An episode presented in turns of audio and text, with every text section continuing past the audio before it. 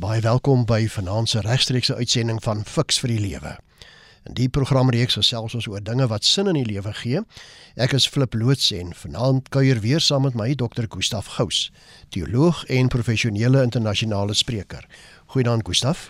Hallo Flip, baie lekker om oor 'n wonderlike onderwerp vanaand te praat, maar wat uit moeilike tye uitkom. As dit moeilik gaan, dan ja. sê mense nou Waar is die Here? Waar is Jesus? Ja, veral nadat ons verlede Sondag sy hemelvaart bespreek het, nê, nee, dat ons gesê het hy het opgevaar hemel toe.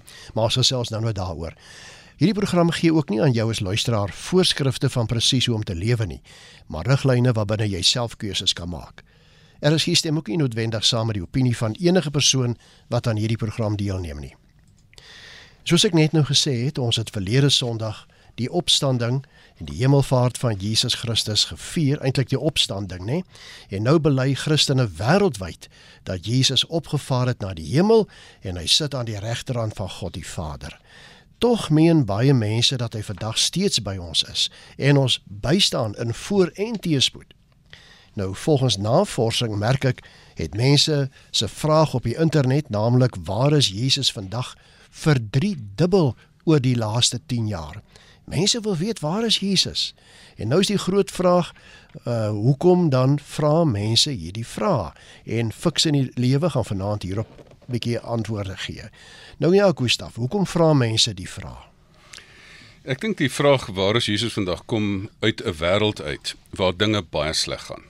Ek wil dis nie die eerste keer in die geskiedenis dat mense hierdie vraag so gereeld vra nie in groot tye van oorlog, veral na die Tweede Wêreldoorlog, het mense geskree en gekreet: "Waar is die Here terwyl die bomme op my stad val? Waar is die Here terwyl my familie doodgaan?"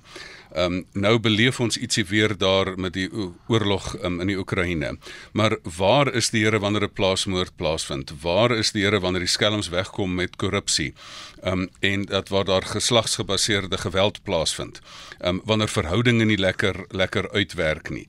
Ehm um, so ek dink ons sit gen, sit genoeg met hierdie die harde werklikheid en ek dink dit is die oorsprong van die vraag. Ehm um, as my man of vrou of my kind aan COVID gesterf het of aan enige ander siekte gesterf het en waar is die Here as daar toksiese manne en vroue mense se lewens verniel. So ek dink dit is 'n geldige vraag wat 'n eerlike antwoord um, verdien. En nou is die vraag wat opkom by baie mense, Gustaf, het die kerkvaders 'n fout gemaak deur in die belydenisskrifte te skrywe dat Jesus opgevaar het na die hemel en nou sit aan die regterhand van God die Vader? Ek dink wat wat jy nou daar aanhaal kom uit kom ons noem dit nou maar die uitvoerende opsomming van die Christelike geloof. As jy nou regtig vir iemand die die kort ehm um, die Engelse praat van die elevator speech. As jy nou die kortste opsomming van die Christelike geloof geloof kry, dan is dit die 12 artikels en en daar staan baie duidelik ek glo in God die Vader en dan die die almagtige skepper van hemel en aarde en dan Jesus se enige gebore seun en dan wat gelei het, gesterf het, begrawe is, opgestaan het en opgevaar het na die hemel en dan staan daar en sit aan die regterhand van God. Ehm um, en dan sê dit staan daar ook ek glo in die Heilige Gees en dan ek glo in 'n heilige algemene Christelike kerk. Nou, ek het beslis nie 'n fout gemaak nie. Ek bedoel dit is al 'n uh, 'n belydenis wat in die 2de eeu begin formuleer is en in die 4de eeu geformaliseer is. Ehm um, en ek bedoel dit staan op omtrent daar's 'n plus minus 59 keer in die in die Bybel wat staan sit aan die regterhand van God en al wat dit eintlik beteken is, ehm um, as jy langs die koning um, sit in die regterhand, dan is dit die ereplek. Dit is die mees invloedryke persoon um, wat aan die regterhand rand um, van van van die koning sit. Ehm um, maar ek dink ook die die interessante vraag is wat mense vra is, is uit my praktyk uitflip, dan beleef ek nie dat mense hierdie vraag eers te vra waar is God nie. Hulle is baie bewus waar is ek. Ehm um, mense is baie bewus van ek is nou die belangrike vraag wat hulle vra is waar is ek? En en hoe staan my situasie of my probleem in verhouding dalk met die Here as mense eerlike vraagsteller is? Want jy kry eerlike soekers wat regtig sê maar Here waar is u? Ek ek praat maar waar is u? Maar dan kry jy ook moetswillige vraagstellers wat eintlik sê maar ja waar is jou God nou? Jy jy wat nou mos nou kon sês glo. En dan kry jy ook sommer mense wat net wil debatteer wat sommer nie wat nie eintlik wil wil wil implementeer nie hulle wil net debatteer hulle wil net 'n bietjie breingimnastiek oor die ding doen en dis nie wat ons vanaand gaan doen nie. Ons gaan nie breingimnastiek doen nie. Ons gaan ons gaan regtig die vraag vra, waar is God? Want weet jy, as jy die, na die situasie van mense uh, kyk, dit lyk nie net altyd sleg nie. Dit gaan baie keer so goed dat party mense dink hulle het God nie nodig nie. En dit gaan baie keer so sleg met mense dat hulle God wil begin vloek. Um en en daarom sit mense en sê, "Maar hoe staan my situasie in verband met God?" Um wat dan waar is volgens ons vraag vanaand? Ja, ek sien ML, ek weet nie wie ML is nie, maar die ML skryf en dit sluit aan by wat jy nou net gesê het, Gustaf. Ek dink die Heilige Gees verbind my aan Jesus. Hy wag vir my by God, dit is nou vir sy kinders en hy staan langs God. Hy staan 'n wag vir ons. Dis nou Jesus, nê? Nee. Ja, ek ek dink die die belangrike ding is, die oomblik as jy vra waar is Jesus, dan moet jy ook ook gesels oor wat Christene oor jare geformuleer het as die drie eenheid van God. Nou, die Engelse woord Trinity. Ehm um, nou waar kom dit vandaan? Nou dit is baie interessant. Nou ehm um, op ons Facebook bladsy ehm um, Fix vir die lewe as mense dit wil oopmaak, het ek het ek interessantheidshalwe eh, die verband, die maklikste verduideliking van hoe God en ehm um, met die Vader en die Seun en die Heilige Gees in verband staan. Ehm um, het ek daar eintlik gepost want onthou in die ou tyd in die ou kerke was die loodglasvensters was die PowerPoint skuifies van van die ou tyd. En daar het hulle deur die jare al in verskillende baie kerke het hulle het hulle dit al verduidelik dat hulle so soos 'n Mercedes tekentjie, daar's God in die middel van die Mercedes tekentjie en met die boonste uh, lyntjie op is die Vader bo en met die linkerkantste lyntjie van die Mercedes tekentjie is die Seun en aan die regterkantste een van die lyntjie op die punt is die Heilige Gees. Dan staan daar God is die Vader, God is die Seun, God is die Heilige Gees en die Heilige Gees is God en die Seun is God en die Vader is ook God. Maar dan as jy die sirkel van die Mercedes tekentjie vat, dan is daar 'n is nie gelyk aanteken nie. Want dan staan daar uh, die Vader is nie dieselfde as die Heilige Gees nie en die die Heilige Gees nie dieselfde as die Seun nie um, en die Seun nie dieselfde as die Vader nie. So ehm um, so uh, dit word uh, hulle kan onderskei word en maar nie geskei word nie. En ek dink daai stukkie agtergrond moet 'n mens vir jouself eintlik eintlik in gedagte hou dat ons kan nie ons kan nie die Vader, die Seun en die Heilige Gees skei nie. So dit is dit is dit is uh, teologiese gimnastiek wat 'n mens as 'n mens dit nou te diep probeer ingaan. Ja, ons is nou in die kerklike jaar Gustaf, so tussen die opstanding en die hemelvaart wat natuurlik so 40 dae na die opstanding gebeur. Maar in werklikheid eh, het dit nou plaasgevind al, nê? As mense nou terugdink, het Jesus opgevaar hemel toe. Hy was na sy opstanding baie betrokke nog by die disippels. Ons weet wat het gebeur het daar by die see waar hy die brood saam met hulle gebreek het. Maar kom ons sê nou ons dink nou aan Jesus wat in die hemel is. Wat sou die taak van hom wees in die hemel, daar aan die regterhand van God? Um, kom ek stel dit net in konteks. Eindelik is die kerklike jaar 'n mooi 'n mooi verduideliking. Jesus is gebore, en Paasfees het gesterf, hy het opgestaan, opgevaar in die hemel, die Heilige Gees is uitgestort en hy kom eendag weer. Dit is wat Christene reg oor die wêreld glo. Maar as ek as ons dit in konteks plaas van wat is sy primêre taak op aarde? Ehm um, dan dan moet ons eintlik die Johannes Evangelie. Weet jy die Johannes Evangelie is eintlik 'n verskriklike het 'n interessante patroon. In Johannes Evangelie staan daar in Johannes 1:18, niemand het God ooit gesien nie. Maar dan staan daar sy enigste seun self God wat die naaste aan die Vader is, het hom bekend gemaak. Toe sê toe sê daar staan dan nou verder. Jesus hy sê ek is die weg en die waarheid en die lewe en as julle my ken, ken julle ook die Vader. Maar dan sê in 14 vers 25, um, terwyl ek nog by hulle is, gaan ek nou vir julle sê, ek gaan weg, maar um, wat die Vader gaan in my naam die Heilige Gees vir julle stuur. Um, en wat gaan die Heilige Gees doen? Hy moet julle alles leer wat uh, versterk wat ek vir julle geleer het en en troos. En dan gaan ek weg. En maar wat dan van ons wat agterbly? Toe sê hy in Johannes 17 sê hy maar maar um, my woorde gee ek vir my volgelinge. So as mense nou God wil sien, waar gaan hulle dit sien? By jou. Hulle gaan dit by die mense moet sien.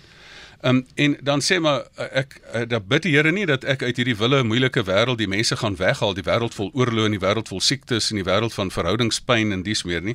Dit is vir my een van die mooiste tekste van die Bybel wat verstaan hoe die bedeling is waarin ons leef werk. Hy sê maar ek bid nie dat ek julle uit die wêreld gaan wegneem nie. Ek gaan julle in die wêreld bewaar. En dan bid hy ook en dit is nou vir sy onmiddellike disippels. Dan sê maar ek bid ook deur hulle wat tot geloof gaan kom. En dan is daar 'n ongelooflike of 'n gelooflike mooi teks waar daar staan: Ek bid dat hulle een mag wees. Want omdat God en um, met Jesus, die Vader, die Seun en die Heilige Gees een is, sê hy deur julle, deur julle wat die kerk is, moet die mense God sien. En as julle nou staan en stry, as julle nie een is nie, dan kan hulle mos nie God sien nie. En en en dit lê 'n geweldige verantwoordelikheid op Christene dat dat die gekibbelry daar moet wees. So eintlik is daar twee woorde, in en een. As jy in Christus is, moet jy een wees. En laat my nou so dink jy praat van die kerk. Die Griekse woord mos is kurios en daar kom ons woord kerk vandaan en uh, of kuriake en kuriake kom van kurios wat beteken Here, nê? So Absoluut. dit beteken eintlik maar dat ons daar waar ons bymekaar is iets van die Here oordra. Maar die vraag wat ek nou het, Maar ekskuus, ek wil nog die vraag net 100% f- finaal beantwoord want wat is sy taak daar um, en eintlik is daar is daar konsensus reg oor die jare dat dat wat was Jesus se taak? Hy moes profeet, priester en koning gewees het. Profeet, hy moes op hy moes die op, God openbaar aan ons vir ons vertel. Hy moes priester wees, hy moes 'n offer, die offer vir sy lewe om ons te versoen met die Here en dan moes hy koning wees om die dood te oorwin. Um en die interessante is is dat dit eintlik het sy werk nie opgehou nie of hy nou aan die regterhand van God sit. Um dit is nog steeds wat hy doen. Dit is nog steeds dat hy dat hy vir ons daardie daardie um rol moet vervul. En en as 'n mens dan wil verstaan is in hierdie tyd wat ons nou leef tussen die tussen die koms en die wederkoms. Waar kom daai woorde vandaan? Ehm um, daar was 'n Switserse teoloog wat in Basel gewoon het. Die ou se naam was Oscar Kuhlman.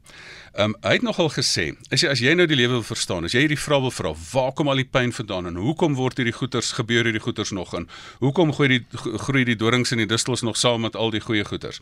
Hy sê ons moet hierdie bedeling verstaan tussen die koms en die wederkoms en in hierdie bedeling ehm um, is die Here daar. Dit is hy wat dan vir ons vir ons pleit by die Here. Daar staan in Romeine 8 vers, vers 24. Hy het gesterf, hy is opgewerk, hy sit aan die regterkant en hy pleit vir ons. Dit is hy wat sê in sy naam kan ons vra dat dinge in hierdie harde werklikheid gebeur en kan verander. So um, in hierdie bedeling is Jesus nie onaktief. Hy sit nie daar ja, lekker nou hier um, aan die regterkant van God nie. Hy's aktief in die bedeling nog steeds 'n profeet, priester en koning. maar nou hoor ek iemand vra Gustaf, het Jesus dan 'n engel geword na sy hemelvaart toe in die hemel kom? Ek sien nou daar 'n prentjie ook met Jesus met vlerke. Ag nee wat. Ehm um, daar staan in 1 Petrus 3 vers 22 uh, uh die engele en uh, uh, en die magte is aan hom onderwerp. So dit is dis onder hom. Ehm um, wat wat Jesus is, hy's deel van die drie drie eenheid. Ehm um, God Vader, Seun en Seun en Heilige Gees. Nou nog steeds bly die vraag by baie mense, hy's in die hemel, maar hy sê in Matteus 28 vers 20, ek is by julle al die dae tot die volëinding van die wêreld. Dink jy dis maar net trooswoorde wat hy vir hulle gesê het so om as 'n soort van 'n afskeid of wat bedoel hy daarmee? Ja, dit is meer as trooswoorde flip. Enigiemand wat ehm um, as mens as mens nie die Here ken of 'n verhouding is, dan klink dit nou vir jou vreemd, maar as jy in 'n diep persoonlike verhouding met die Here is, dan leef jy uit daai woorde uit van God is met ons, Immanuel. Ehm um, dit gaan oor nie oor God se woord primêr, dit gaan oor God se teenwoordigheid. Ek bedoel, wat is wat gaan die hele Johannes Evangelie oor? Sy woord het teenwoordig geword. Um, en en en ek het op 'n stadium selfs in my eie lewe 'n 'n gedig geskryf. Here, u woorde is nie meer vir my genoeg nie. Dit is u teenwoordigheid wat ek wat ek verlang. En Jürgen Moltmann was 'n was 'n verskriklike interessante teoloog. Um, um, na die Tweede Wêreldoorlog het die mense al die teoloë gevra, nou waar is die Here? En en toe het hy hy 'n boek geskryf. Um ek sal daai daai boek se voorblad nooit vergeet nie. Dit is so harde, lelike kruis met 'n pynlike gesig van Jesus. Toe sê hy, weet jy wat? Ons het van Jesus so 'n romantiese figuurtjie gemaak met 'n goue met 'n goue kettingkie en 'n kruisie om met sulke rosies om die kruisie en dit is nou eintlik skoon romanties. Hy sê die kruis was glad nie romanties nie. Hy sê as jy vra waar God was, mense vra waar was God toe my my kind doodgemaak is op die slagveld? Ehm um, toe sê hy, ehm um, toe verwys hy na die rowers ehm um, van die van van ehm um, wat op die kruis was. Toe sê hy, weet jy, as jy God soek, dan was God ehm um, op die kruis langs jou. As jy swaar gekry het, raai waar was hy? Hy was nie soos die Griekse gode wat daar bo sit en partytjie hou terwyl hulle rond, soos soos soos baie mense wat mag misbruik. Hulle sit met al die geld en die, en die arme mense kry swaar nie. God is nie so nie. God is langs jou in die loopgrawe. Hy is langs jou doodgemaak um, en hy wat uit sy solidariteit met ons betoon in pyn in ons situasie. Ja, dit lyk my dit is Isabel Slabbert wat saam met jou stem Gustaf. Sy sê is die drie eenheid dan nie alomteenwoordig nie. Ja, ek dink die die ehm um, die alomteenwoordigheid, daar's baie dinge wat aan God toegedig word, almagtig, alomteenwoordig, alwys, um, alsiende en dis meer. Ehm um, maar ek dink die die teenwoordigheid van die Here. Ek dink dit is wat ek by baie mense sien dat as jy omdat Johannes sê ons word nie uit die wêreld uitgehaal nie, maar jy word in die wêreld bewaar. Weet jy, ek was in baie tye as jy as jy kry baie swaar. Maar as iemand wat jou lief is saam met jou is, dan is dit beter. En ek dink die Here is daar in ons pyn um, maar hy haal ons nie uit die pyn uit nie, want ons kan word ryper, ons leer lesse uit die pyn uit en dis meer. Jy luister na RSG en dis die program Fix vir die Lewe. Ons gesels vanaand oor waar is Jesus vandag? Ek is Flip Loots en my gas is Dr. Gustaf Gous. En jy as luisteraar kan nog gerus saamgesels. Gee jou mening oor die onderwerp, gebruik die SMS nommer 45889. Onthou net elke SMS kos R1.50. Nou Gustaf ek lees in die Bybel in 1 Korintiërs 6 vers 17 dat ons liggame tempels van God is en dat hy in ons bly. Hoe korrek is dit? Weerspreek dit nie die belydenis dat hy in die hemel is nie?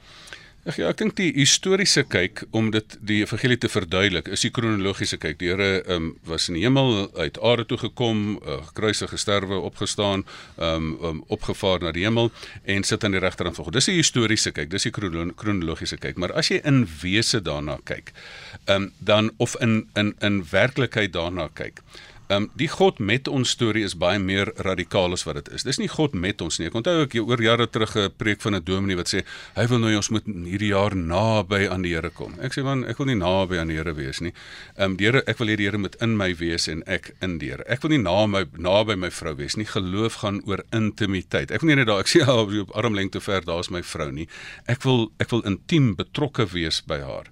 Ehm um, en en daarom is ons in Christus en Christus is in ons. Is interessant al die die kerk, wat is die kerk? Dit in die oud in die in die in die in die Bybel staan dit die wat in Efesië is in Christus. Um en dit is reg oor die wêreld. So jy's in Christus, Christus in jou in 'n spesifieke plek. Um op aarde met al die pyn en al die lyding wat daarmee gepaard gaan. Interessant, ek sien Dominee Dani Malan uh skrywe vir ons hier Gustaf. Jare gelede vra ek op huisbesoek vir 'n 6-jarige seentjie, nou maar waar is Jesus? En toe sê daardie seentjie vir hom in die hemel Nee, ja, waar Jesus nou is in die hemel by sy pappa. En daarop vra ek hom of Jesus nie ook in sy hart is nie. En ewe kordaat en tot sy verstomming antwoord hy: "Nee, die Heilige Gees is in my hart." Ja, groetnis van Dominee Dani Malan. Nou Dominee Dani gelukkig is ehm um, die Vader, Seun en die Heilige Gees een. So, dan is hy ook in jou hart. Inder, inderdaad. Nou kom ons raak so 'n bietjie prakties dan, Gustaf. Hoe is Jesus steeds by mense vandag teenwoordig? Ek dink dit is dis die kern van wat ons alles vra. Die, die mense vra nie diep teologiese vrae nie. Mense vra maar hoe gaan ek my my pyn hanteer? En kom ek maak myself weerloos flip. Kom ek kom ek ontbloot bietjie hierdie ding. Ek bedoel so 27, 30 jaar terug het ek deur 'n moeilike tyd in my lewe gegaan en En miskien was dit Jürgen Moltmann wat my geïnspireer het dat ek daai tyd vir my uh, letterlik dat ek 'n gedig geskryf het dat ek gesê het ek weet nie meer waar die hemel is nie want die pyn is te veel maar ek weet waar God is wat langs my my lyding met my deel.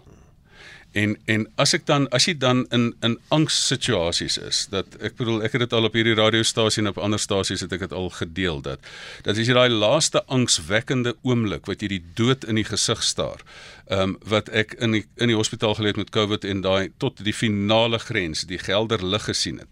Dan jy nie 'n teologiese nadenke oor God nie of 'n lekker debat oor goeters nie. Dan jy 'n direkte belewenis. En in daai oomblik Wat het ek beleef daar? Omdat ek 'n diep intieme persoonlike persoonlike verhouding met die Here het, het ek die Here se teenwoordigheid daar so beleef as 'n liefdevolle teenwoordigheid. Wat die benouendste oomblik was wat ek kon gesterf het sonder my vrou en sonder my kinders langs my bed, was daai teenwoordigheid So dis nie goedjies waar ek waar ek gaan sit en dink ek moet 'n teologie handboek gaan nader trek om hieroor te praat nie. Dit is iets wat gebeur. En weet jy wat sien ek? Ek sien dit in my kliënte dat dit gepersonaliseer word in elkeen van hulle se lewe. As as as ek daar saam met saam met mense sit en dat ek sien maar hoe hulle hoe hulle um elke krisis hulle tot 'n dieper intimiteit met die Here bring. Ek bedoel daar's 'n ou professor van Maties gewees, ou professor Daniel Lou uit. Hy het hy hy het, hy het altyd gesê dat elke krisis is 'n eksamen in God se definisies. Met ander woorde jy moet God herdefinieer, jouself herdefinieer, die lewe herdefinieer. Hy het gesê weet jy ons begin almal met die Here dink so Vader Kersfees, wees soet en hy gaan vir jou nou nice geskenkies gee. Dit is nie hoe die Here is nie. Jy kom tot 'n dieper verstaan van die Here. Dat dat hy nie dat hy nie maar net vir jou die uit al die moeilikheid uit gaan help nie, maar dat hy jou in die wêreld gaan bewaar. As jou lewe verkrummel, dat hy dat jy jou lewe herbou met ou gereedskap. Weet jy waar sien ek God? Ek sien dit in my kliënte wat wat 'n stikkende lewe vat en met ou gereedskappe herbou. Ek sien dit mense wat met nuwe krag kry en nuwe lewenshoofstukke is. Ek sien mense in hulle daaglikse wandel dat hulle die pad soek en die pad vind. Ek sien mense ek was Vrydag by 'n by 'n primêr van 'n film wat gegaan het oor 'n uh, ge, ge, um, geslagsgebaseerde geweld, die sogenaamde Engelse gender-based violence. Um, ek sien dit dat mense wat stikkend verniel is, dat hulle weer heel word. Um, en daai aanraking is is dit wat vir my God laat sien. Ehm um, jy moet eintlik nie te hoog kyk om vir God te sien nie. Jy moet laag kyk wanneer mense wat stikkend is weer herstel word. So ehm um, as jy vir God soek, sien dit in die klein stukkies herstel.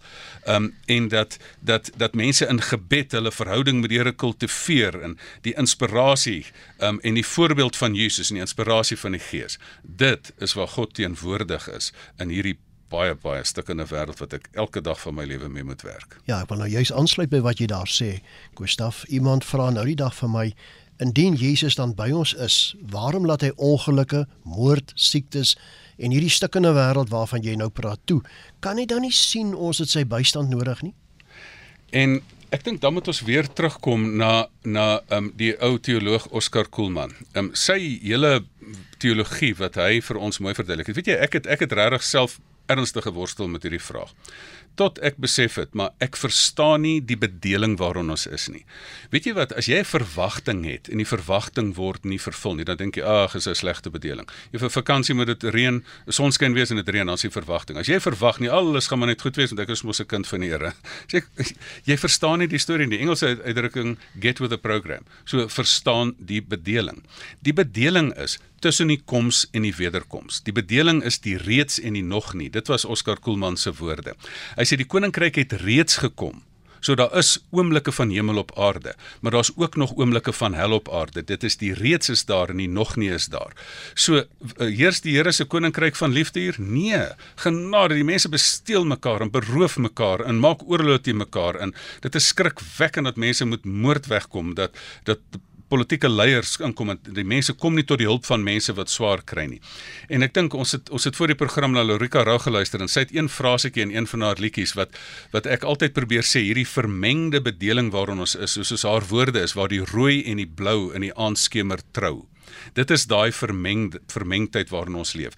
Dit is die soetsuur van Chinese kos. Dit is die dit is die onkruid en die koring groei saam in dieselfde land en die dorings en die mielies groei groei, groei saam. So die oomblik as ons besef Dis ons bedeling dat die Here ons nie uit die wêreld gaan haal nie, maar hy gaan ons in die wêreld bewaar. En weet jy wat is die bedeling flip? Ons almal gaan sterf. En ons almal gaan een of ander tyd sterf. En die lewe is soos 'n soos bergfietsryery. Dis daar's net twee tipes, die wat al geval het en die wat nog gaan val. So, gaan jy seer kry? Natuurlik gaan jy seer kry. Ehm um, so, so laat ons die bedeling verstaan, maar dan die die Here se teenwoordigheid geniet. Selfs al is jy in die woestyn, weet jy waar is die water die lekkerste? In die woestyn. Weet jy waar is die sonskyn die mooiste? In die warmte van die woestyn. Dit is RSG met die program Fix vir die Lewe en ons gesels vanaand oor waar is Jesus vandag? Ek is Flip Loots en my gas is Dr. Gustaf Gous en jy het nog so 'n paar minute, so wat 6 minute om saam te gesels oor hierdie onderwerp. Ons SMS nommer is 45889. Onthou net elke SMS kos R1.50. Nou ek sien hier so interessant uh, Gustaf sommer baie baie van ons SMS'e wat inkom, maar uh, ek lees hierso van Marie wat is haar naam nou? Ek het haar naam nou net nie, maar sy Marie Wandra van Mosselbaai. Sy sê God is God en kan enige plek wees te gelykertyd. Hy is mos in die hemel en op die aarde. Hy is mos God. Hy is die Here wat by ons is oral. Absoluut. En en en en ek dink maar wat is vir ons relevant? Die ons vra dit uit die oogpunt van ons pyn of dat ons um arrogant raak. Ek sê mos altyd daar's net twee dinge wat mense laat struikel en dit is of sukses of mislukking. Sukses gaan kop toe en mislukking gaan hart toe. En in uh, ons begin by ons belewenis en dan vind die Here ons. Iemand het eendag gesê, jy sal jy, jy sal God soek tot hy jou vind. Um, en dan op daai oomblik weet jy dat die Here daar is. Hy wil in jou sukses en in jou mislukking en oral daar wees dat hierdie goeters jou nie van die spoor af kry nie. Nou 'n hele klompie luisteraars het SMS'e gestuur Gustaf met die vraag wat ek nou vir jou wil vra. Wat verstaan ons onder die hemel? Hy het opgevaar na die hemel. Is dit net iets daarbo of is die hemel oral om ons of in ons? Onthou ons leef ons maar in 'n driedimensionele werklikheid en en baie van die van die persoonlike ervaring wat Here wat ek gehad het, het gevoel daar's 'n multidimensionaliteit buite driedimensioneel. So ons kan net bo onder links reg in in in in so dink. So ons bo is maar vir ons amper metafories. Dit is dimensioneel anders. Ehm um, maar wat is daarbo? Daarbo is ehm um, dat dat wat is die hemel? Um, kom ons verges, vergelyk dit eerder met wat is die hel? Weet jy wat is hel? Hel is alleenheid. Hel is vervreemding. Hel is die Engelse woord is alienation. Wat is hemel? Hemel is intimiteit. Hemel is daar wees. Hemel is is saam wees, is 'n intieme ervaring. Ek sê altyd vir mense die die die die die grootste vreugde op aarde, um tweede grootste vreugde op aarde is byvoorbeeld intimiteit met jou vrou, maar intimiteit met die Here, belewennisse met God is die stukkies hemel op aarde. Dit is dit is wat gebeur. En weet jy wat se vreemde ding? Dat in die diepste en die hoogste oomblikke van my lewe het ek van die intiemste belewennisse met die Here gehad. En weet jy wat kan wat wat mense ook kan doen is omdat die koninkryk reeds gekom het, kan jy tekens van die koninkryk op aarde heel reeds waarmaak. Jy kan jy kan oomblikke skep van hemel op aarde waar mense mekaar hel gee op aarde. Weet jy wat? Mense kan mekaar ook hemel gee. Ons moet daai uitdrukking eintlik skep. Kom ons gee mekaar hemel. Um, en gee mekaar nie hel nie want jy kan sulke oomblikke op aarde kan jy reeds skep in hierdie reeds en nog nie um, wat ons bedeling waarin ons leef. Ja, ek sien ons tydjie begin aanstap Gustaf net vinnige vraagie, het Jesus se werk dan nie opgehou toe hy opgevaar het hemel toe nie?